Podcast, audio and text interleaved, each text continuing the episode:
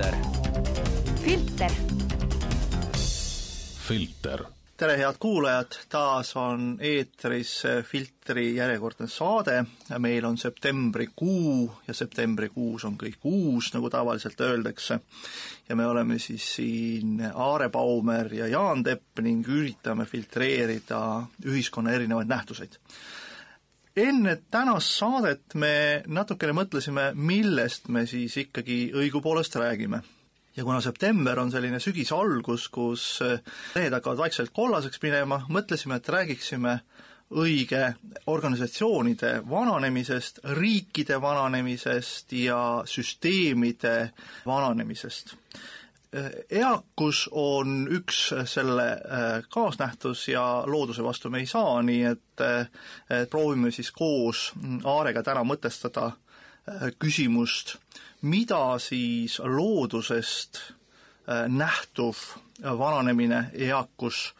tegelikult tähendab suuremas mastaabis ja äh, eelkõige siis riikide ja süsteemide kontekstis. sa, Aare, saatsid äh, mulle ühe väga vahva artikli, äh, mis oli siis pühendatud Lõuna-Korea väga kiiresti vananevale ühiskonnale ja sellega kaasnevatele probleemidele. kas sa, Aare, oleksid valmis sellest natukene rohkem rääkima? ja, ja no eks ma siin juba, nii nagu sa ütlesid, valmistusin tükk aega. minu uudishimu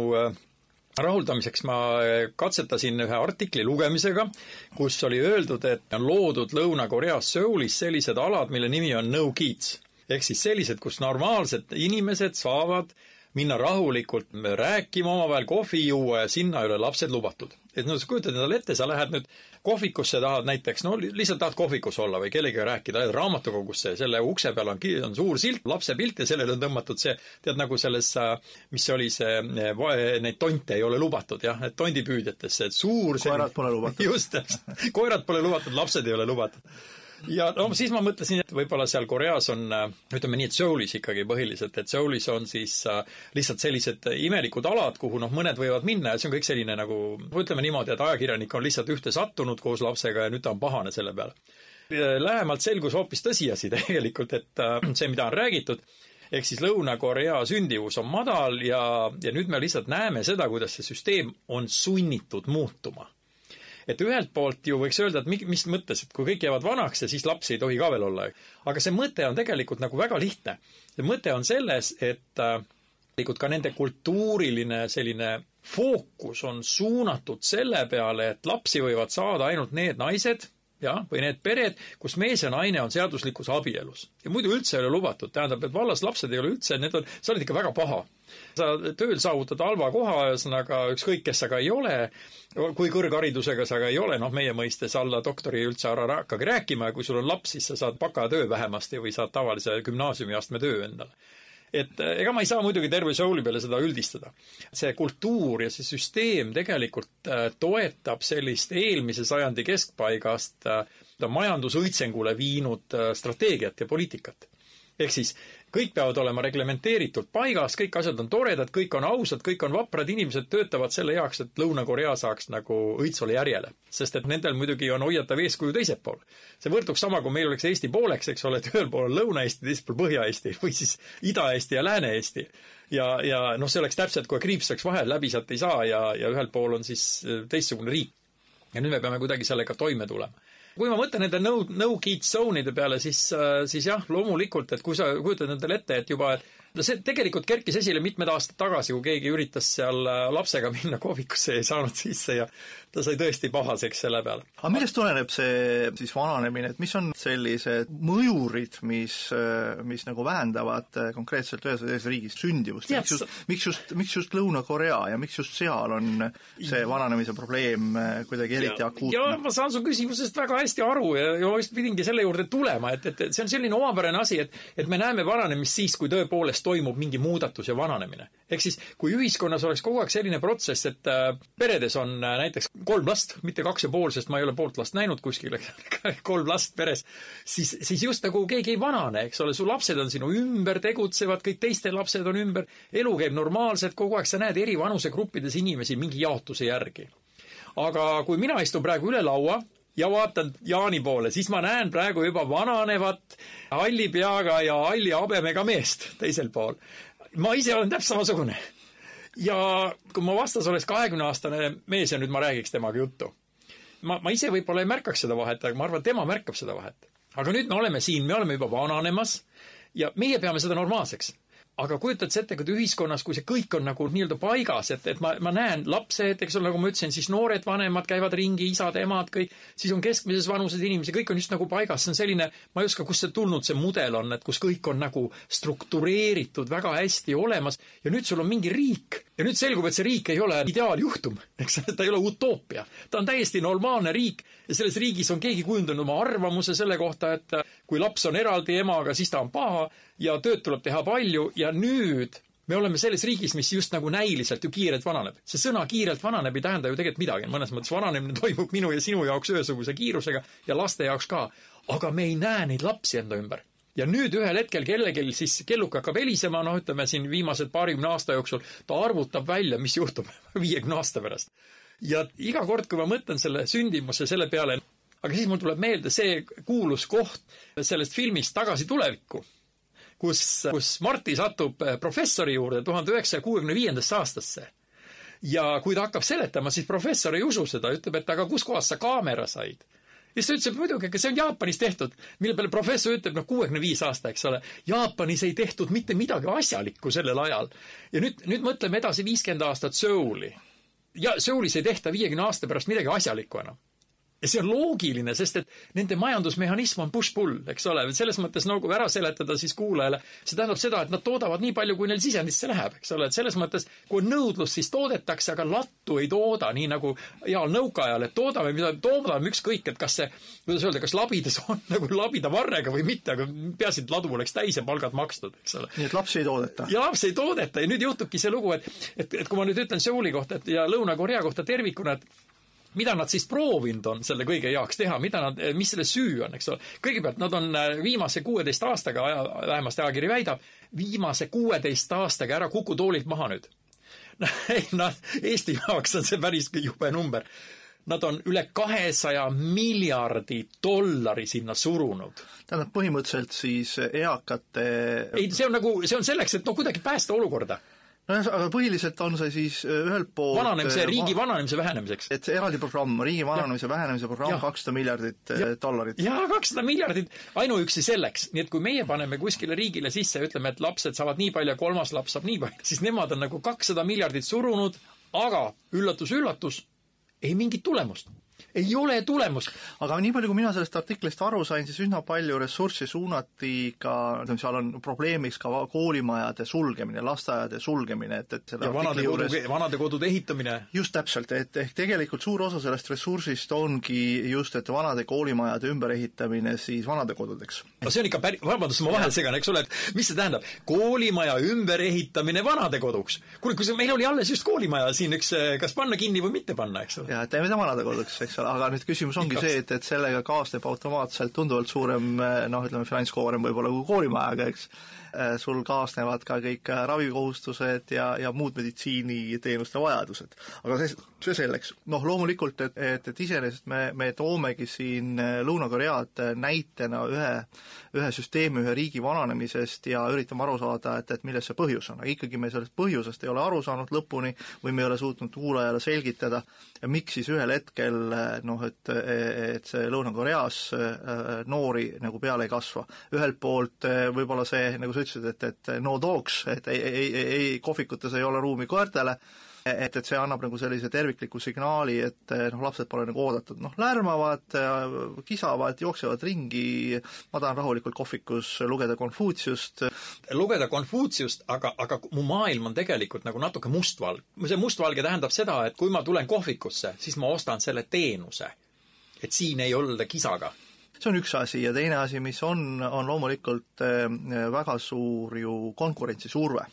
Et noh, täna me saame aru, et eh, lapse eh, tekkimine perekonda on väga suur vastutus. See on nii finantsiline vastutus, see on vaimne vastutus kui ka moraalne vastutus, selles suhtes, et see ei ole ainult nii, et mul on ühel hetkel kümme last ja, ja küll nad ise saavad, et kuidagimoodi hakkama, et, et loomulikult mina olen koolitanud kaks last läbi ülikoolide ja ma tean, mida, mida see tähendab ja kuivõrd suur finantsiline koorem see on perekonnale. Ja, ja, ja loomulikult sa pead ka arvestama seda, et riigi jaoks on oluline ka maksutulu baas. Ehk mida vanem on ühiskond, seda, seda väiksemaks jääb riigi nagu tulubaas, mida vanemaks äh, muutub ühiskond, seda vähemaks muutub ka tarbimine, et sa tõid ennem siin selle Jaapani näite, et ühel hetkel sul toodetakse hästi palju Jaapani siis videokaameraid või mingeid muid äh, tipptooteid ja, ja siis jääb ühel hetkel areng natuke nagu seisma ja see oligi nagu see mingi momentum äh, kaheksakümnendatel, kui tõesti Jaapani tehnoloogia oli selline tehnoloogia, mida väga palju nagu sooviti ja otsiti ja taheti ja isegi me mäletame, tahtsime küll Sharpi, Hitachit, Sharpit, mida me kõik tahtsime noorest, noorest põlvest endale laua peale. täpselt. Aga, aga siis ühel hetkel, kui see turg sai täis, äh, tekkis nii-öelda nagu noh, alati tekivad kopeerijad, alati tekivad need, kes teevad kas teistmoodi, võib-olla natukene paremini, natukene odavamalt ja, ja, ja lõpuks me peame teadvustama seda, et ähm, looming kui selline vajab mingit annust äh, hullumeelsust ja ka tööstuslooming. ega siis, kui me räägime siin tööstustoodangust äh, ja toome paralleele Hitachi kassettmaki, makiga, siis äh, täna noh, meie lapsed ütlevad, et mis, mis, mis, mis asi see on, et, et kuidas see töötab. ja, ja tema ütleb, et, et noh, et peab olema hoopis midagi muud, aga selleks, et aru saada, kuidas nagu noor inimene mõtleb, sa pead aru saama, mida noor inimene tarbib nii-öelda tarbimise oluliseks. ja, ja tema nii-öelda kujundab siis tööstusdisaini vastavalt oma tarbimisharjumustele. ja kui sul ühiskond on ühel hetkel nagu vana, siis ega nagu ma, ma, ma nagu ütlengi, et reklaamifirmat ei saa juhtida meievanused mehed, sellepärast et me ei tea, kuidas teha reklaami seitsmeteistaastasele, kaheksateistaastasele või, või kuueteistaastasele noorele. me ei tea TikTokist midagi, me oskame ainult TikToki kommenteerida ja kritiseerida aga tegelikult suured, suuresti ikkagi maailmavaated kujundatakse täpselt nendes uutes, uutes meediakeskustes. ja nüüd, kui sul äh, Lõuna-Korea näitel ühiskond hakkab ühel hetkel nagu natukene vananema, siis äh, see vananev ühiskond, need insenerid, kes seal on, ega nad väga täpselt ei tea, mida nad turule peavad tooma, noh Jaapani näide ongi see kõige parem, kõige suurem äh, stagnatsioon toimuski ju tegelikult üheksakümnendate teisel poolel Jaapanis, kus, kus ühel hetkel kõik see, mida nad tegid, oli hea, aga, aga see oli väga kitsalt ähm, segmenteeritud ja see kitsas segmenteeritus mõnes mõttes äh, tähendaski mingisuguseid äh, tööstuselektroonikat, mitte tarbeelektroonikat ja kui me räägime tööstuselektroonikat, mida tähendab, et ka tööstused peaksid ostma, siis see on jällegi väga selgelt reglementeeritud ja väga kitsas sektor. et, et kui sul areng, tehnoloogiline areng toimub praktiliselt ütleme siis sellises kitsas vertikaalis, tööstuslikus vertikaalis, siis sellega jäetakse, jäetakse automaatselt kõrvale väga suur hulk ühiskonnast, ehk see noor tarbijaskond ja see noor tarbijaskond ühelt poolt äh, tunnetab, et ka neid ei ole nagu vaja, noh, see on jällegi see migratsiooniprobleemid, millest me kindlasti täna ka räägime, aga teiselt poolt ongi nagu see, et äh, tekib siis mõnes mõttes selline tõukumine põlvkondade tõukumine. ja tegelikult, kui sa nagu mõtled, mida see põlvkondade tõukumine tähendab, siis see tähendab noh, võiks ütelda nagu noh, ma ei tahaks kasutada sõna genotsiid, eks ole, aga noh, see on see eakate inimeste noh, natukene selline eh, genotsiidilaadne kõrvaletõukamine ja nende, neid mittenägemine. kui ma mõtlen ise, kui ma olin noor ja kui ma olin nagu mingi kuusteist, seitseteist, kaheksateist, minu jaoks oli kahekümne kahe aastane inimene vana kui ma mõtlen täna meie, meie vanuse peale, kui mõtleme, et, et kui minu kolleeg on näiteks kakskümmend viis, kolmkümmend viis, siis eh, vabandage väga, eh, ma olen tema jaoks gerant. ehk eh, ta ei saa minust aru ja kui me nüüd ühel hetkel vaatame nagu tööturgu, siis täna, vabandage väga, Eestis ministeeriumite asekantslerite tase on kolmkümmend viis aastat maks ja kui see kolmekümne viie aastane asekantsler võtab kedagi tööle, kas sa arvad, et meil on kuidagi mingisuguseid šansse tööturul? ma kardan, et ei ole. ma kardan, et ei ole. ja nüüd tegelikult, kui me tuleme sama asjaga, tuleme nüüd siis Lõuna-Korea juurde, siis seal on toimunud nii-öelda nagu noh, ma ennem tõin ka Konfutsiuse termini ju sisuliselt meelega siia sisse, et, et istub kohvikus ja loeb Konfutsiust, sest konfutsionistlik maailmavaade, mis on ka Koreas väga tugev, tähendab seda, et sa pead austama hallipäist ja see austus mõnes mõttes on võtnud natukene kummalise vormi, et see hallipäisus on hakanud ennast kaitsma just nimelt selle põlvkondade konflikti eest. ja pigem on, kuna, kuna ühiskond on seal nii ehk nii vananev, siis nagu demokraatias ikka, enamuse hääl maksab, see vananev enamus on tegelikult hakanud kujundama äh, Äh, sellist maailmapilti, mis ei soodusta ühelt poolt äh, siis noorte juurde, juurde tulekut. ja see protsess on olnud pikaajaline. see, see nii-öelda nagu, et no dogs kohviku uksel, et meil ei ole lapsed oodatud kohvikusse, et see protsess on pikaajaline seal ja pikaajalises, see tuletas mulle kohe meelde praegu selle, et kui palju võtab aega energeetikas näiteks ühe elektrijaama tegelikult ehitamine ja selle elektrijaama kütuse nii-öelda selle, selle kaevandamise või tootmise, kütust tuleb ju ka toota. et see muundada tähendab sobivaks, et selle valmistamine võtab aega umbes viiskümmend aastat. ja vot nüüd me oleme ju selles olukorras, et ega te tegelikult ju ei Eesti ega ma arvan, et ka ükski teine riik ei valmistunud ju teadlikult ju inimeste vananemiseks kahekümne esimesel sajandil. ega mina tegelikult tegelikult avastan, ma ütleks, et igal hommikul päriselt, aga, aga ka mina ju avastan ennast iga, noh, ütleme niimoodi, no kord nädalas ma mõtlen kindlalt selle peale hommikul, et kuidas ma üldse siia sattusin. Et olid kaheksakümnendad, kooli lõpp oli seitsmekümnendatel ja, ja, ja siis kuidagi äkki, nüüd ma olen ka selles aastas, millest räägiti, ulmes räägiti ja kui ma nüüd hakkan mõtlema, et mis siis selle aja jooksul muundunud, tohutult palju on muutunud, aga ega seda kõike ju öeldi, et noh, see kuskilt tuleb. et midagi on, mingid muutused tulevad, aga et nad on nii dramaatilised, samas ma saan päris hästi hakkama oma arust vähemasti, kuigi elatustase ei ole Eestis nii kõrge kui näiteks Soulis. ma mõtlen nagu see tootmise koha pealt, aga, aga noh, et ma, ma nagu olengi siin ja nüüd äkki just nagu paisu tagant tekivad sellised, ütleme niimoodi, probleemid, eks ole, et, et meil on, koole pannakse kinni, tavaline inimene kuulab, eks mis ta siis kuulab läbi meedia, no ma saan aru, meedia võimendab teatud kindlaid asju, aga noh, et koolid pannakse kinni ja ma ei tea, ma mõtlen selle peale, et püsiks, ütleme, eks see siin paarkümmend aastat hinges, aga noh, ühel hetkel võib-olla tõesti seal peaks hooldekodu olema või mis iganes. et kas me oleme valmis nagu siis selleks, et me hakkame praegu koolitama inimesi, selleks, et äh, meie näiteks Eesti riigis vananevat ühiskonda siis ülal pidada. olukorras, kus ma selle raha peaksin võtma? ma saan aru, me lõpuks jõuame ikkagi nagu raha ja kapitali kes see maksab, kes maksab selle? et, et Eesti võrdlemine näiteks Lõuna-Koreaga selles kontekstis on isegi väga huvitav.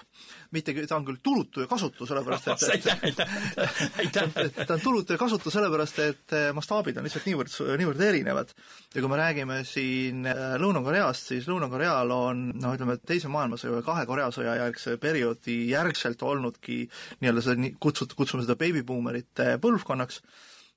kes tegelesid nagu ühiskonna ülesehitamisega ja ühiskonna ülesehitamine tähendabki väga suurte ressursside tekitamist, ümberjagamist, majandusse surumist,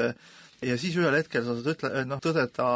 tõdeda nagu Ülemiste vanake, et kas Tallinn on valmis, jah, Tallinn on valmis et mõnes mõttes äh, on ka Lõuna-Koreas juhtunud see, et ühes, ühel hetkel on ühiskond valmis, aga jõudes selle ressursi juurde, siis selle beebibuumerite põlvkonnaga on tekitatud väga tugev tootmisbaas ja väga tugev ka maksutulubaas, et selle pinnalt nemad suudavad, nagu sa ütlesidki, kuussada miljardit suunates programmi, mille nimeks on ühiskonna vananemise peatamine, see on mingi termin, on tal teine oli seal Seuli kevad või mis iganes, kuid eh, Eesti ei saa seda endale lubada, sellepärast et meie ühiskond on liiga noor, meil on alles kakskümmend aastat on ühiskonda ja mis on meie ühiskonna põhiprobleem, on ju see, et me peame küsima, miks Reformierakond tegelikult on kogu aeg võimul. sellepärast, et ta on ametnike, riigiametnike erakond, kes kaitseb oma ametnikke ja, ja see vähene maksutulu, mis tuleb, tegelikult läheb ka riigiaparaadi ülesehitamisele. ehk teiste sõnadega, Eesti riik kulutab oma raha ja seda, mida ta peaks paremate aegade jaoks panema kõrvale, nii nagu kõik suured majandused teevad, neil on omal riiklikud wealth fund'id ehk siis rikkusefondid, varafondid ja seal on eri, erinevaid ju võimalusi, okei okay,, kui me räägime siin Saudi Araabiast või me räägime Araabia Ühendemiraatidest, siis nendel on mingisugused maavarad, mille pinnalt, või Norra, eks ole, no maavarad, mille pinnalt nad neid riiklikke haldusfonde või siis nii-öelda nagu varafonde haldavad ja kuhu nad see, see rikkus sinna tuleb aga Lõuna-Koreal ei ole praktiliselt maavarasid. ehk nende nii-öelda põhimaavara ongi olnud inimene, inimressurss ja siis riigi ülesehitamine. täna ütleme siis äh, rasketööstus, metallitööstus on ikkagi Korea lipulaev. ja tänu sellele, ütleme siis beebibuumerite ajastu kuuekümnendatest üles kuni siis äh, siin kahe tuhandete teise, teise pooleni, praktiliselt eh, on riik suutnud oma varafondide kaudu ka ennast kapitaliseerida väga hästi. Eesti riigil seda võimalust ei ole olnud. meil ei ole ei maavarasid, ega meil ei ole ka inimesi ja ega meil ei ole olnud ka selles suhtes heas mõttes beebimuumerite põlvkonda. nii et Eestis see vananemise probleemi küsimus tuleb tunduvalt teravamalt ühel hetkel lauale, kui seda Lõuna-Korea täna nagu näeb. Ega see on meie keeles ka juba sees, et kui ma sind kuulan, siis see kõik jutt on okei okay. aga kui me nüüd asendaksime mõned sõnad, mis sa ütlesid, konkreetsemate sõnadega ja, ja täpsustaks nagu seda ajakava, niisiis, mina olen kuuskümmend kolm aastat vana nii hooldekodusse, siis riik ootab mind umbes vanuses mingi kaheksakümmend viis, kaheksakümmend kaheksa, jah. See on siis umbes äh, kahekümne, kahekümne viie aasta pärast. maja ehitatakse üles kahe aastaga. hooldajad õpetatakse välja, kõigepealt ta peab sündima tähendab, ma, ma pean siis mõtlema personaalse hooldaja peale, ma lihtsalt mängin selle mudeli läbi. nii, ja nüüd ja, sa jälgid mind, eks ole. ma jälgin, aga ma tean, kuhu me jõuame, jõuame immigratsiooni juurde. ja, ja ma just mõtlengi seda, et pean siis nagu kellegagi kokku leppima ühe perega, noore perega, kes valmistab lapse,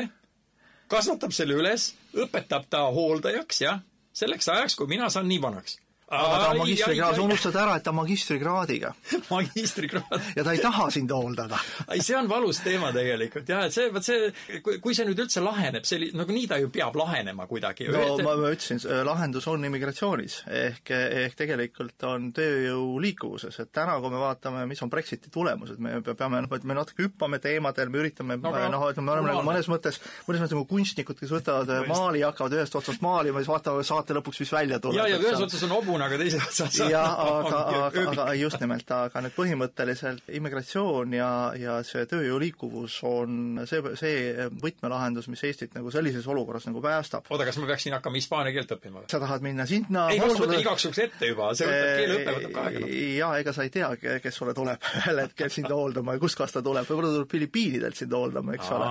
nii et jah, et, et nagu põhimõtteliselt Brexiti põhiprobleem täna, noh, kui me räägimegi, et me räägime Koreast natukene, Eestist, räägime räägime nüüd Suurbritanniast ja siis läheme äh, Lähis-Itta,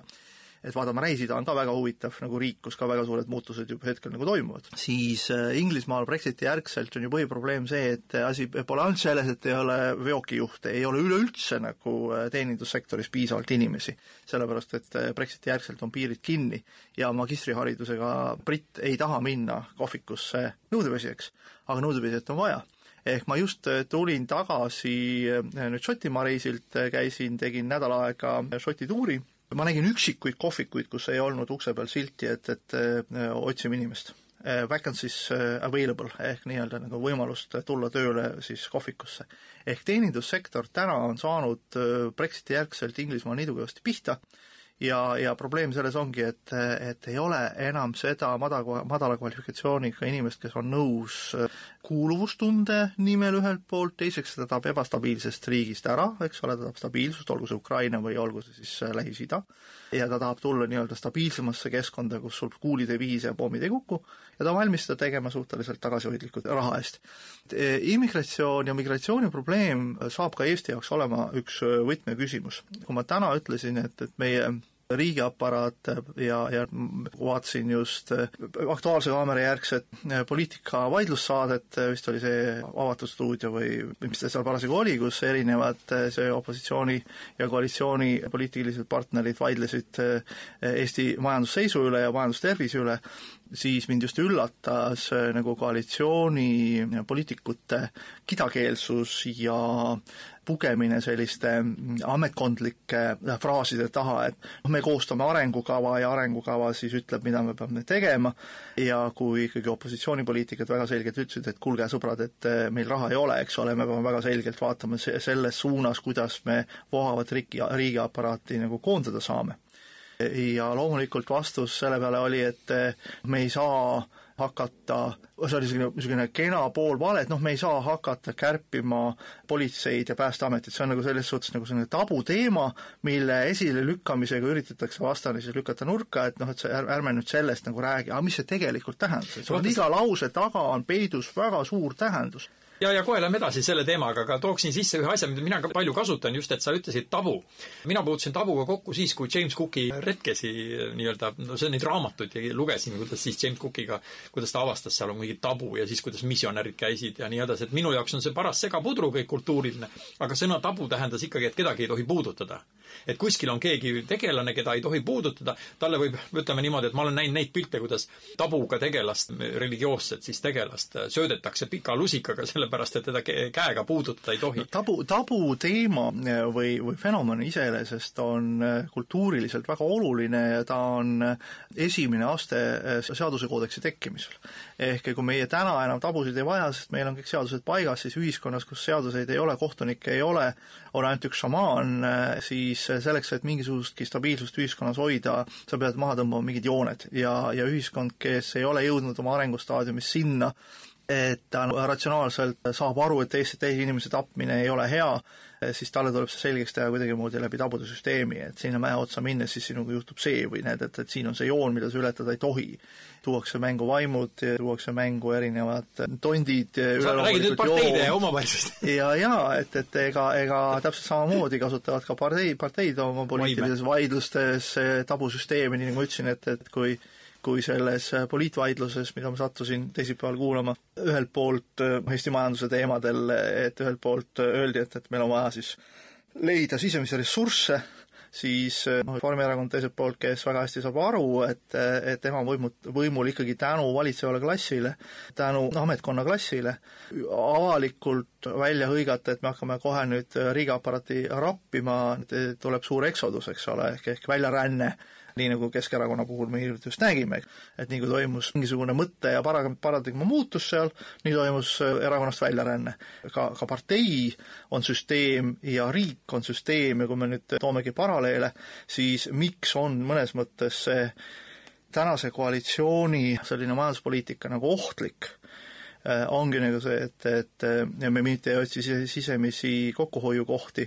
vaid äh, me mõtleme selle üle, kuidas me oma vohava riigiaparaadi kulu äh, peegeldame edasi siis maksumaks-, maksumaksjale ehk sinu ja minu õlgadele. ja nüüd me jõuamegi sinna, millest selles artiklis oli juttu, oli kuuekümne viie aastaste vaesus, kuuskümmend viis ja pluss ja vaesus. ehk mis on Lõuna-Koreas täpselt samamoodi väga suur probleem ma tahtsin veel lisada, et selle mõtteviisi muutmises juures sa pead alati kasutama ju mingisuguseid, mingeid ressursse seesama, mida, mida sa rääkisid ja mul kohe praegu, kui sa kirjeldasid, ma, mul tekkis niisugune illustratiivne pilt, mida ma annan siis kuulajale üle, ehk siis äh, poliitikud, ühesõnaga koalitsioon ja opositsioon omavahel räägivad ja nüüd ma tegelikult Jaani käest, ma, ma ei hakanud su viimast lauset lõikama tükkideks, aga et kas sa kuulsid ka, oli seal kuidagi juttu mingitest üleloomulikest lahenditest? Sellistest üleloomuliku suure Ü-tähega mingisugusest nüüd ma, sellisest, kes tuleb ja lahendab selle ära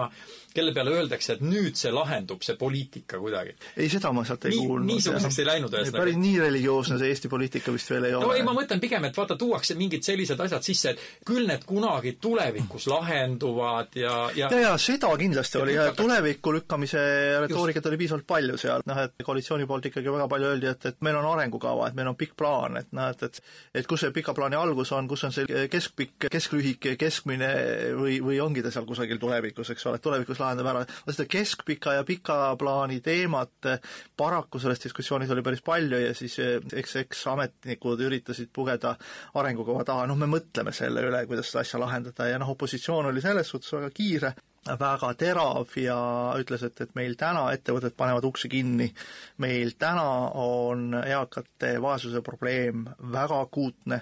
see ei ole ainult Lõuna-Korea küsimus, me alustasime Lõuna-Koreast, maalime seda maali pilti muudkui nagu edasi, eks ole, kui neil on siis riik aru saanud, et me peame midagi tegema ja suunab kuussada miljardit siis nii-öelda nagu vananemise peatamise programmi juurutamiseks, siis sinna alla käivadki eks vanadekodude tegemine, ka vanade koolide ja lasteaedade muutmine vanadekodudeks ja hooldekodudeks ja ja ka lihtsalt päevakeskusteks, suunatakse rohkem ressursse ka sotsiaalabile ja võib-olla tõesti, et on aru saadud, kui selles artiklis juba kirjutati, et, et Lõuna-Koreas ja Seulis on üle kuuekümne viie aastaste inimeste kiire vaesumine ja. on probleem, et nad, nad sisuliselt elavad vähem kui viis eurot päevas, peavad hakkama saama siis äh, loomulikult ka riik juba mõtleb selle peale, kuidas seda protsessi peatada, siis äh, paralleelina Eesti ühiskonnas, Eesti poliitikute vaidlusi kuulates, see ei ole üldse päevakorral, see ei ole üldse päevakorral. et mõeldakse ainult selle üle, kuidas süsteem toimiks, kuidas riik toimiks, ehk nagu me aru saame, kui me tuletame meelde, kui me alustasime oma Eesti riigiga, me ütlesime, me oleme valmis sööma kartulikoori, peaasi, et on oma riik, nüüd on meil oma riik olemas ehk kui ma ennem rääkisin, et on süsteemide vananemise periood, eks ole, et, et Korea näitel me ütlesime, et on see beebibuumerite aeg, kõik ehitatakse üles ühel hetkel, ja Jaapani näitel ühel hetkel saadi aru, et, et riik on valmis, mis nüüd edasi? meil nagu mõnes mõttes on jõutud ka sinna, et, et riik on nagu valmis, aga meil, kui, kui ütleme siis Lõuna-Koreas on see kuussada miljardit programm on olemas, selle peale mõeldakse, Jaapanis teemaga tegeletakse, siis Eestis paraku täna selle teemaga nii-öelda rahva vananemisega väga olulisel määral ei tegeleta tegeletakse ametkonna privileegide säilitamisega ja see on probleem, see on probleem. no jaa, ja kakskümmend viis aastat siit edasi on ju üsna nagu lähedal võib-olla või nii võiks öelda. just. et see on natuke, natuke ehk liiga lähedal. aga vaata, kui sa selle Brexiti poolt ka rääkisid, et kas keegi üldse, mina isiklikult tule, üritasin meelde tuletada seda meest, kes oli selle asja nagu see eestvedaja. et tegelikult mul ei tulnud ta nimigi enam meelde kelle, kes sõitis bussiga mööda Inglismaad ringi, et need, et see tegelikult ta oli ta nagu prohvet Maltsvet ju või, või ta oli see, kes Valge laeva lubas. no nii ta oli ja, ja Lasnamäe, Lasnamäe peale just täpselt, et ta oli nagu Maltsvet, et värvis oma bussi seda värvi, pani sinna kirjad peale, et me saame Euroopa Liidust selle raha tagasi, iga päev läheb sinna mitusada miljonit kui see raha on tagasi, siis me elame õnnelikult. ja siis ühel hetkel äkki tekkisid sellised artiklid, ma olin muide väga huvitatud sellest ja lugesin näiteks, kuidas mingid äh, kalurid on otsustanud sellise eufooria hoos, et nemad hakkavad nüüd Londoni turule oma krevette viima sealt äh, lähedalt. ja, ja ma ei tea, ma pole praegu kontrollinud ka konkreetselt selle mehe järgi, et kas ta veab krevette või on ta töötud ehk siis või, või töötab kohalikult, aga vaata seesama see hariduse ja e, noorte haridus ja nüüd selle hariduse vastavus ja see, kuidas ühiskond, e, noor ühiskond on, on sellises, noh, ma ütleks noor, siis tähendab, tegelikult me võime öelda noore ühiskonna kohta, aga vana ühiskonna kohta võime öelda noor. aga see sõltub ju noorte osakaalust. isegi kui see meile ei meeldi et me võime öelda, et noor ühiskond, Eesti ühiskond on noor, aga noh, näiteks kas Lähis-Ida mingi ühiskond, mis on, baseerub mitme tuhande aasta vanusel kultuuril, kas ta on noor? aga kui seal on noori palju, eks, et vot siit tekib selline sõnade mäng, et mida, mida sa arvad? kas ühiskond on noor või millal ta ühiskond on noor? just, täpselt, kas ta on noor siis, kui seal on noored või ta tegelikult, me võime öelda näiteks Iraani, Pärsia Iraan, et noh, kui ta baseerub kolme, nelja, viie, kuue tuhande aasta vanusele kultuurile, kas me ütleme ta kohta vana või noor ühiskond? no põhimõtteliselt jah, me peame ikkagi vaatama demograafilist kaarti riigi puhul, et öelda, kas ta on noor või vana, et ja, ja teiselt poolt loomulikult on riigi sünnihetk kui me ütleme Eesti riigi kohta, siis me ütleme, et Eesti riik on noor, kui me vaatame demograafilist kaarti, siis me ütleme, et Eesti riik ei ole enam noor, ta on keskealine. ei, ta on ikka rohkem juba ju, ta on juba beebiuumer juba või? jah, ikka keskealine võiks, päris nii hull ei ole jah, et keskealine võiks ütelda, et on Eesti, Eesti nagu ühiskond, aga tuues siis Iraani näite, siis äh, tegelikult äh, ongi aeg võtta uus värvipott, äh, siis rohelise värvi praegu, hakkame nüüd maalima siis rohelist siia, siia paleti peale juurde ja räägimegi siis näiteks siis organisatsioonide ja riikide vananemisest lähenemisest äh, Kesk-Aasia ja, ja Lähis-Ida näitel. viimasest Economistis on hästi huvitav artikkel äh, just nimelt Lähis-Idast, mille alla siis me paneme Saudi Araabia, Araabia Ühendemiraadid, paneme Iraani, paneme sinna ka Jeemeni, paneme siia Süüria ja, ja, ja Egiptuse ja, ja osaliselt paneme ka Põhja-Aafrika riigid, kes on ju kõik tegelikult islami, islamiriigid ehk siis ähm, moslemiriigid. Ja kui sa nüüd küsisid minu käest, et kas riik on noor või vana siis eh, vastavalt tema sünnile ja kultuuripaksusele või sellele, et, et eh, kas tema rahvus, rahvas on noor või vana, siis eh, Lähis-Ida puhul me saame ütelda, et kultuuriliselt on need riigid vanad, demograafiliselt on need riigid väga noored ja kui me siin paralleelist mäletame, me rääkisime just Lõuna-Koreast kui sellisest kiiresti vananevast ühiskonnast, siis nüüd Lähis-Idas, Iraan, Egiptus on teine probleem, et see on hästi noor ja hästi kiiresti paljunev äh, regioon. ehk nende probleemid on pigem selles, et, et seal on, seal on noori liiga palju ja nüüd paneme sinna juurde selle, selle konflikti, mis toimubki vana kultuuri ja noore põlvkonna vahel siis tegelikult on see pere-, regioon, see roheline värv siin paleti peal väga huvitav, selle lõuendi peal. ehk kui me vaatame seda keskset kohta, kui me paneme nagu maailmakaardi ette, loomulikult sa võid vaadata maailmakaarti kumba pidi sa tahad, kas sa oled Austraalias, siis sa keeratad jalad ülespoole, kui sa oled, oled Ameerikas, vaatad seda maailmakaarti hoopis teistpidi, aga kuna me oleme siin, kus me oleme, siin Euroopas, paneme maailmakaardi, võtame ette lahti, siis me näeme, et see, miks me muidu nimetame seda Kesk-Aasiaks ja Lähis-Idaks, eks ole, ta on suhteliselt kaardi keskel kui sa nüüd reaalselt nüüd vaatad, sul on ühelt poolt on sul Hiina, teiselt pool on sul Ameerika, siis on sul ülevalpool äh, nii-öelda nagu edelas on sul, sul sisuliselt nagu Euroopa ja Skandinaavia ja seal keskel on meil siis Lähis-Ida ja roheline, ütleme siis kultuuri mõttes selline, selline, kus on äh, rahvas väga noor, rahvas on väga noor. Seal on praktiliselt äh, kuuskümmend viis protsenti, kuni kuuskümmend viis protsenti inimestest on alla kolmekümne viie aasta vanad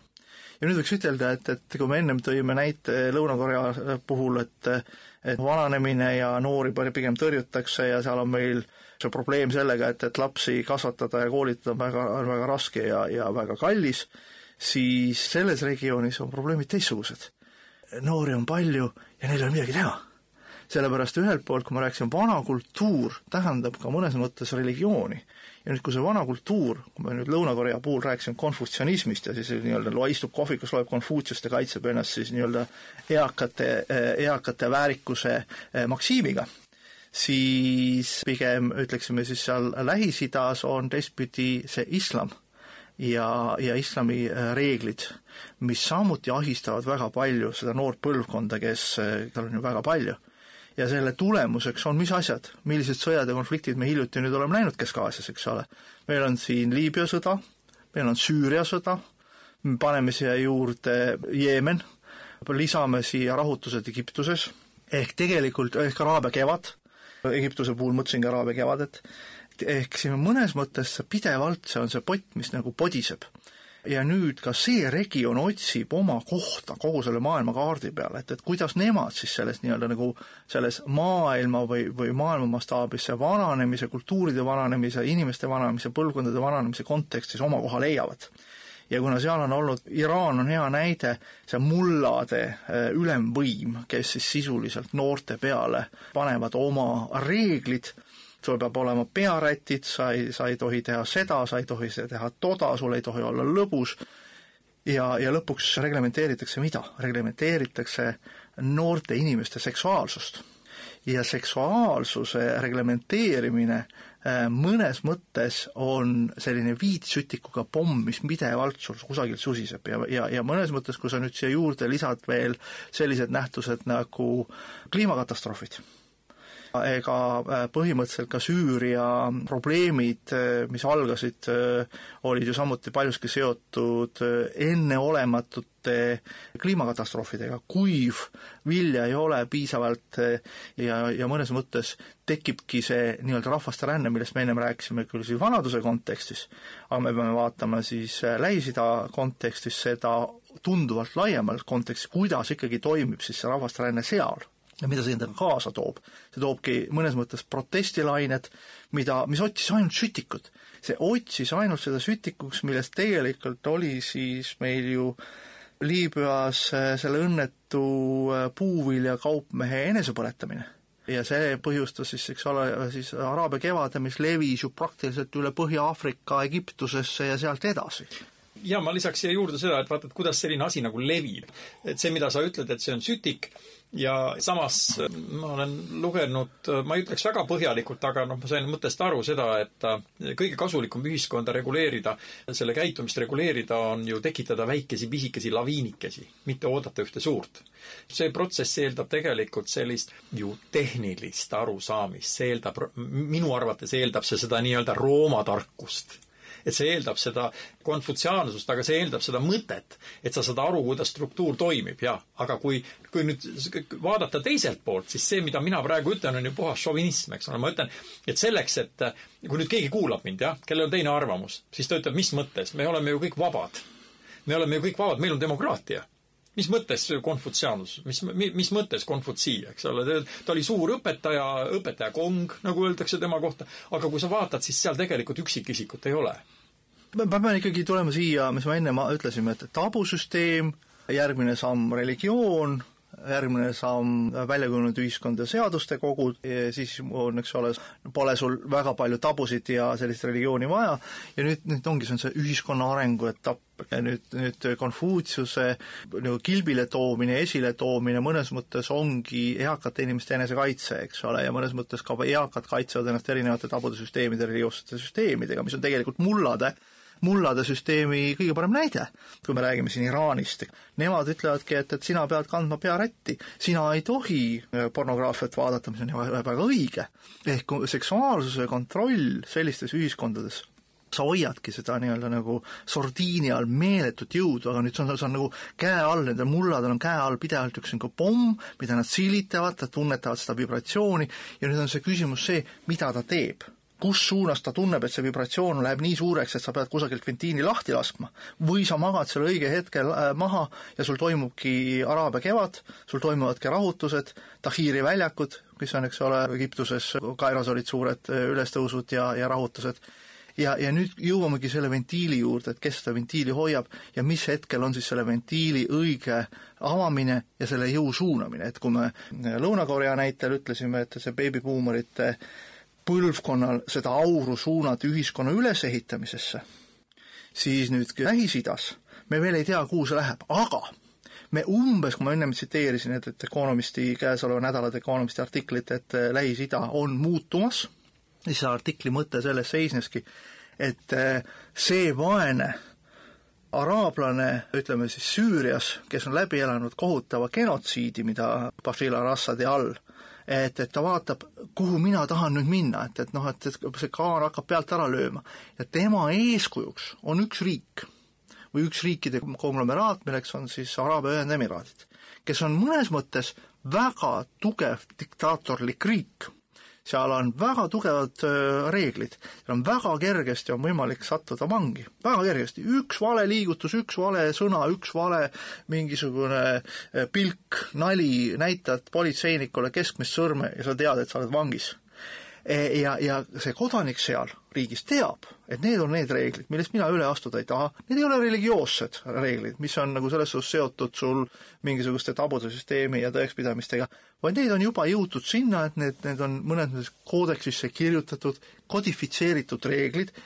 kodanikud ühiskonnas seda teavad ja nüüd ta ütleb, aga kus on minu vabadus? ja siis talle öeldakse, aga meie ütleme sulle, mis on sinu vabadus, see on ettevõtlus see on ettevõtlus, see on sport, see on aktiivne elustiil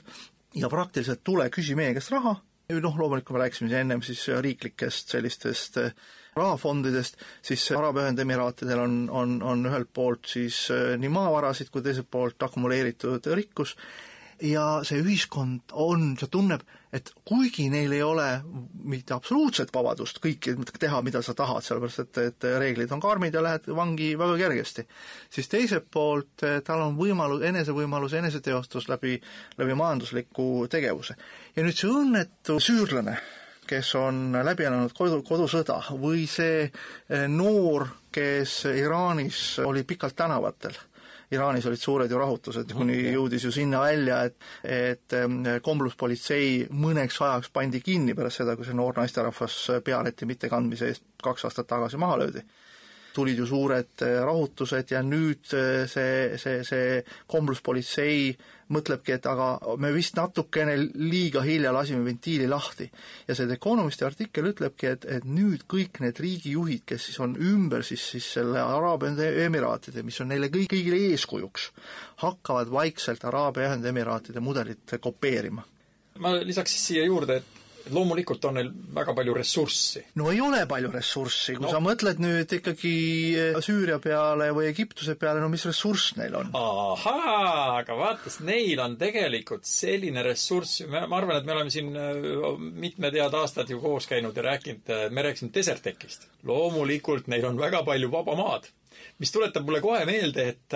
Asimovil impeeriumi langus nii-öelda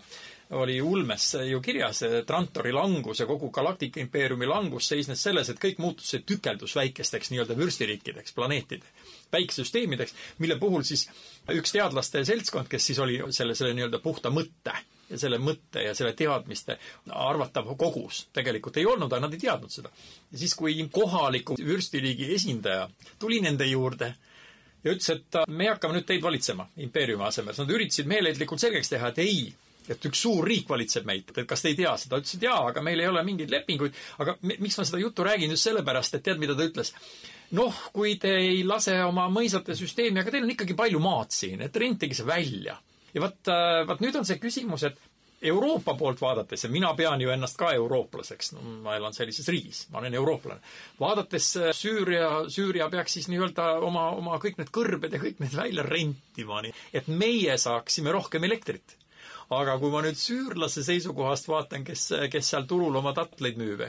siis ma ei tea, kas ta muutuks nagu rikkamaks või see, vot see küsimus ongi, et Araabia Ühendemiraadid ja kui ma vaatasin neid, neid projekte, mis nad teevad, need on megaprojektid, millest noh, ma ütleks, Eesti Ekspress ei kirjuta mitte, mitte ühte sõnagi ja mul on niisugune tunne, et sellepärast ei kirjuta lihtsalt meie, meie vastuvõtlikkus selle peale, et kui keegi paneb näiteks viis miljardit alla selleks, et ehitada mingisugust vanalinna suurust ala, mis, mis on tulevikulinn, et meie mõistus ei võta seda lihtsalt. kahjuks see nii on, sellepärast et meie ressursid on niivõrd väikesed ja, ja me ole, elamegi ikkagi natukene sellises lombis, et kui me suudaksime jah, näha neid protsesse, mis maailmas toimuvad natukene selgepilgulisemalt ja ja näeme, et tõesti see suur kõrb, mis võiks olla, toota reaalselt piisavalt palju päikeseenergiat, loomulikult ühenduste tegemine on kallis, loomulikult seal on sees erinevad poliitilised riskid, loomulikult eh, on riikidevahelised konfliktid ja religioossed eri, erimeelsused, siis selle lahenduseks eh, ongi täna ikkagi reaalselt hüdrolüüsimine, ehk, ehk kõik sellest elektrist, mis me päikeseparkidega toodame potentsiaalselt, me muudamegi vesinikuks ja transpordime vesinikku. ja selles samas artiklis, kusjuures, The Economisti artiklis oligi öeldud, et, et mis see tulevik on, et noh, vaatamata sellele, et, et, et kõik riigid, Lähis-Ida riigid mõnes mõttes imetledes vaatavad Araabia Ühendemiraatide suunas, tahavad seda kopeerida, suutmata aga üle saada oma poliitilistest tabudest ja oma poliitilistest ja religioossetest tabudest ja, ja nendest sellest pommist jala küljes, neil on liiga palju kahureid, liiga palju automaate, liiga palju poliitilisi ja sekti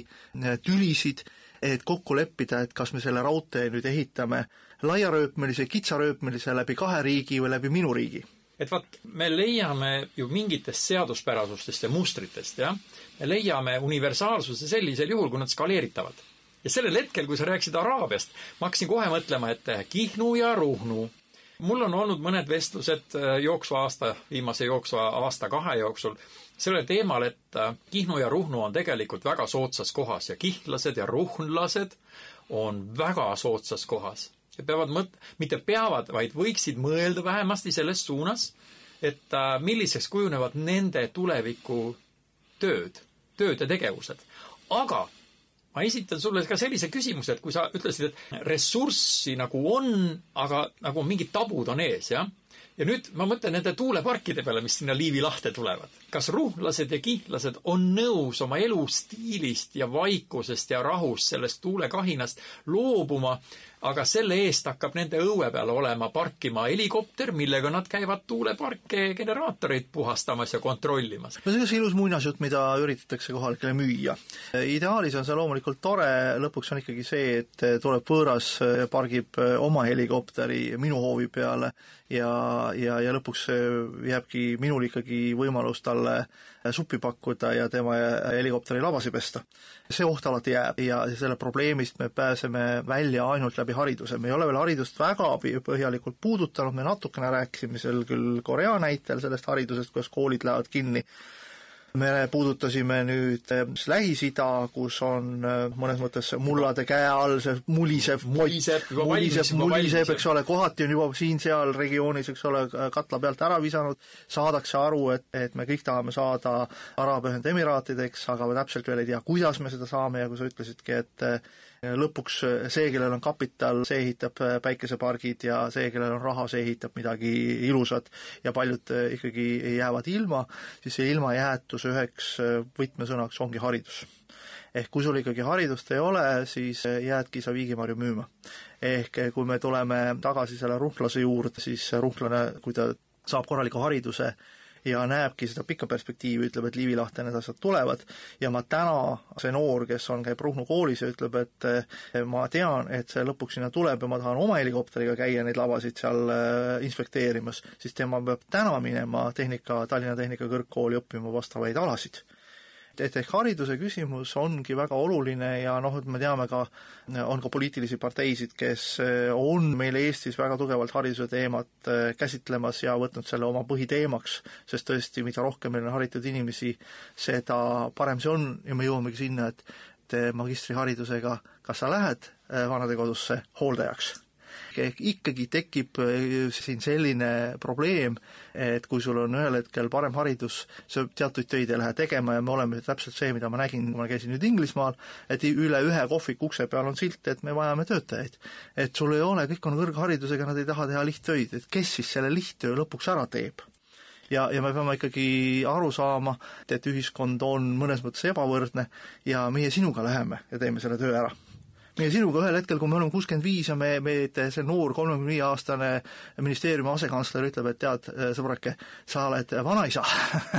Sa lähed nüüd kohvikusse nõusi pesema. Siis ma löön kulpi talle, ütlen jah, lähengi. jah, siis peaks selle kuidagi nagu meeldivaks tegema, et vaata need, need, mis meie ette nagu manatakse, vaat, vaat nüüd tulebki see koht sisse, millest algul sa ütlesid, et ei, sa ei kuulnud nende parteide vahel üleloomulikku mainimist et minu jaoks ongi see üleloomuliku mainimine seotud siis sellise kuvandi tekitamisega, et sa tekitad sellise, no lubad helget tulevikku näiteks. ja, ja helge tulevik on siis see, et kas meil on palju ressursse, kas meil on palju raha, noh, nii-öelda, või on palju energiat või siis äh, kahekümne viie aasta pärast minu pension on millegipärast, äkki ühel hommikul ma saan emaili, eks ole, postkasti või tuleb mulle kiri lausa, äkki veel käsitsi kirjutatud, trükitud, kuhu on öeldud, et ei, et äh, teie pensionifond on läinud ümberhindamisele, selle väärtus on nüüd kaheksa korda kõrgem või kümme korda kõrgem. et see oleks nagu juba mingisugune käeliigutus ülevalt kõrgelt sealt pilvede vahelt üleloomuliku poole pealt, et kas, mis sa arvad on see tõenäosus suur? et kui riik ühel hetkel saab nii piisavalt rikkaks, et ta vaatab, et osu vaese, vaesekene, et sul on ainult siin nagu tuhat eurot, et, et ma panen ühe nulli juurde, et kolm nulli, kolm nulli, kolm nulli juurde. sest, ja siis sa maksad selle raha ju tegelikult, see on ju riigi sekkumine. sulle öeldakse, et me paneme kolm nulli juurde, aga sa maksad selle hooldajale. Ja, ja no see on see kodanikupalga teema, et, et ma, ma mäletan, et kümme aastat tagasi, kui esimest korda kodanikupalgast räägiti, siis kõik naersid, ütlesid, et noh, et see on mingisugune jabur, jabur idee, et noh, et riik ei ole kunagi rikas, et hakata maksma kodanikupalka. aga mida vanemaks ühiskonnad saavad üldglobaalsel pildil, seda rohkem hakkavad riigid, kellel on seda kapitaliseerimisvõimekust, hakkavad mõtlema kodanikupalga peale ja Soome on ju teinud ka katseid. Soomes oli, see pro-, programm käis lausa mitu aastat, kus oli küll selekteeritud number neid inimesi, kes kodanikupalka said, aga nad said ja nad vaatasid, et, et mis siis sellest tuleneb, et, et kas see nende inimeste heaolu nagu paraneb ja paraneb, nad pidid pidevalt tegema, äh, täitma ka teatud teste, et näha, et noh, et kuidas nende enesetunne on, eneseväljendid, paljud tegelesid muusikaga, kunstiga, lugesid raamatuid, reisisid, et see noh, et elu nii, nagu ta peaks olema. seda saavadki lubada endale mõnes mõttes rikkad ühiskonnad ja, ja kui me nüüd räägimegi ühelt poolt, et äh, Lõuna-Koreas on piisavalt raha, et seda katsetada, kui me räägime Lähis-Idast, siis kindlasti neil on see potentsiaal olemas kui me räägime Ameerika Ühendriikidest, siis täpselt samamoodi, sest tegemist on ju vananeva ühiskonnaga. Neil äh, on samuti kapitaliseerimisvõimekus olemas ja ka, ka nemad väga aktiivselt äh, nii-öelda oma riigi vananemise ja struktuuride vananemisega tegelevad. ehk mul tuli veel üks äh, silme ette pilt. ma nagu mäletan, kui Eesti riik noore, noore riigina esimest korda oma nagu väravad avas ja me saime hakata reisima, siis mind alati välismaal käies, Soome oli see esimene riik, mind alati nagu, nagu üllatas see infrastruktuuri kõrge tase. meil olid siin augud teedes, kõik olid katki, peldikud olid Kalevipoe jalajäljed igal pool ja, ja tundus, et see infra nagu on kehva nüüd, kui ma nüüd olen näinud, kui palju on ikkagi Eestis infrastruktuuri nagu raha pandud, siis see infrastruktuur on nagu uus, et ta nagu, nagu särav nagu värske münt. ja kui ma nüüd lähen, eks ole, näiteks Inglismaale, ma tulen meie lennujaamast, lähen Inglismaa lennujaamast, tulen, siis ma näen, et see infrastruktuur on juba nelikümmend aastat vana. ja, ja siis ma saan aru, et see riik on valmis see riik hakkab vananema, sest tema infrastruktuur, sa vaatad sinna otsa, sa näed, et see on nelikümmend aastat vana, see nelikümmend aastat vaatab sulle igalt poolt vastu ja siis mul tekib ka alati kohe see küsimus, et ma kas, kas seesama nelikümmend aastat vasta, vaatab mulle vastu tegelikult ka tänavatel. ja vaatab küll. ja näiteks Ameerika Ühendriikides on väga terav probleem ongi murenev ja, ja lagunev infrastruktuur. nüüd tekibki see küsimus, et kuidas sa ühte infrastruktuuri uuendad, parandad, ehitad ümber no Euroopas oli mõnes mõttes see lihtne, pärast teist maailmasõda kõik oli maha pommitatud, kõik oli vaja uuesti üles ehitada, kõik see infrastruktuur oli uus, särav ja, ja mõnes mõttes see annab sulle ka sellist tunnet, et sa oled eh, dünaamilises ühiskonnas, rikkas ühiskonnas, see on see, mida me täna näeme näiteks Araabia Ühendemiraatides, kui sa lähed Araabia Emiraatide, Ühendemiraatidest, lähed Dubaisse, lähed lennujaamast välja, sa lähed linna, sa näed, et see, see linn on uus ja sellel on mingisugune maagiline fluidum, et kui me ennem rääkisime siin tabude süsteemist, eks ole, et ära seda tee, siis see kiiskav uus infrastruktuur ütleb tule. Ja see tule kutse kehtib mõnes mõttes ka kapitalile. et see on nagu see tõmbenumber, et kui sa näed sellist vananevat, lagunevat infrastruktuuri, siis sa nagu mõtled, mm, kas ma ikka infra-, ikka investeerin sellesse ühiskonda, et noh, ta on niisugune no näha, et ta, midagi on korrast ära, eks ole. see on nii, nagu sa lähed kuhugi firmasse, teed valikuid, esimese valiku teed kodulehekülje järgi, lähed kohale, vaatad, et ühel pool on tead mustad jalajäljed põrandal, teises kohal on lilled laua peal, eks ole, kelle, kelle poole sa lõpuks pöördud, eks ole. et sa, minul on selline asi, et kui ma vaatan mingeid materjale, mul on teinekord vaja leiutamise jaoks, jah, ja siis ma vaatan, et üleval veebilehel on kirjutatud faksinumber, siis ma vaatan, ai, ai, ai, sinna poisid, vist ei lähe. poisid sinna, noh et kas tõesti. ja siis mul tuleb tunne, et see, tead, ma ütlen sulle, et see on päriselt nii, et ma lähen ja vaatan ja kui on faksinumber ülevalt see jäänud mingil põhjusel kirja, siis ma olen kindel, et see on minu generatsiooni tegelane, kes pani firmale aluse ja kes et see ongi see vananev, näide sellest vananevast struktuurist, eks ole, just. ja nüüd ikkagi eh, hakkame vaikselt eh, otsi ka kokku tõmbama ja, ja, ja olemegi siis rääkinud eh, sellistest riikidest, riikide uuenemisest ja vananemisest, ühelt poolt me rääkisime siis pikalt Korea näitel, kuidas riik, kellel on, on piisav kapitaliseeritus, suudab ressursse suunata äh, Äh, sinna, et, äh, et seda vananemist äh, nagu vähendada, sellepärast et, et vananev ühiskond on oht riigi siis maksutulule ja vähenev maksutulu loomulikult mõjutabki kohe siis seda infrastruktuuri tervikuna, inimeste heaolu tervikuna ja, ja põhjustab sellist nii-öelda vaesumise spiraali. teiselt poolt me nägime, et, et on sellised küpsed riigid, kes kipuvad siis teatud poliitiliste tabudega ennast, ennast äh, nagu piirama, noh, rääkisime siin Inglismaalt ja Brexitist, rääkisime me siis natukene, panime rohelist värvitooni juurde ja rääkisime siis Lähis-Idast, kus noh, see ventiil praegult vaikselt avaneb, tasub sellel regioonil silma peal hoida. Paljud need Lähis-Ida riigid, kes, kus on täna olnud suured nii-öelda rahutused, Iraan, Egiptus, Põhja-Aafrika, need kõik vaatavad ja kikkavad meil Araabia Emiraatide suunas ja tahavad seda kopeerida, iseküsimus, et kas nad seda suudavad piisavalt hästi teha, arvestades kõiki neid pingeid ja vastuolusid ja liiga palju relvi on seal turul ja selles regioonis, et, et kuidas see areng seal tekib, aga see on noor ühiskond. ja, ja, ja see noor jõud ongi see, see sordiini all hoitud seksuaalenergia, kui see ühel hetkel, õiges suunas avaneb, et siis sealt on oodata palju põnevat, kui see ei ole just nii-öelda nagu aatompomm ja, ja muidugi sa, sa ütlesid, et otsi kokku tõmbama ja ma tahtsin veel öelda seda, et äkki me siis äh,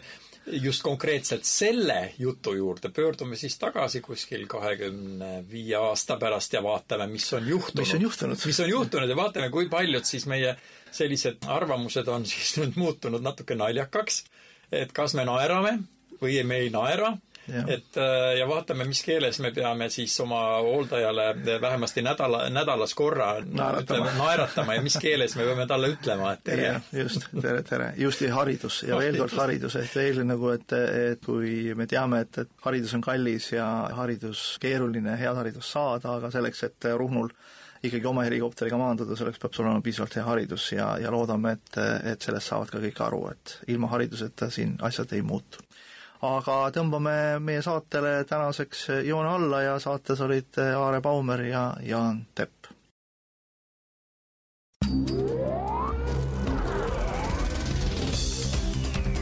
filter. filter. filter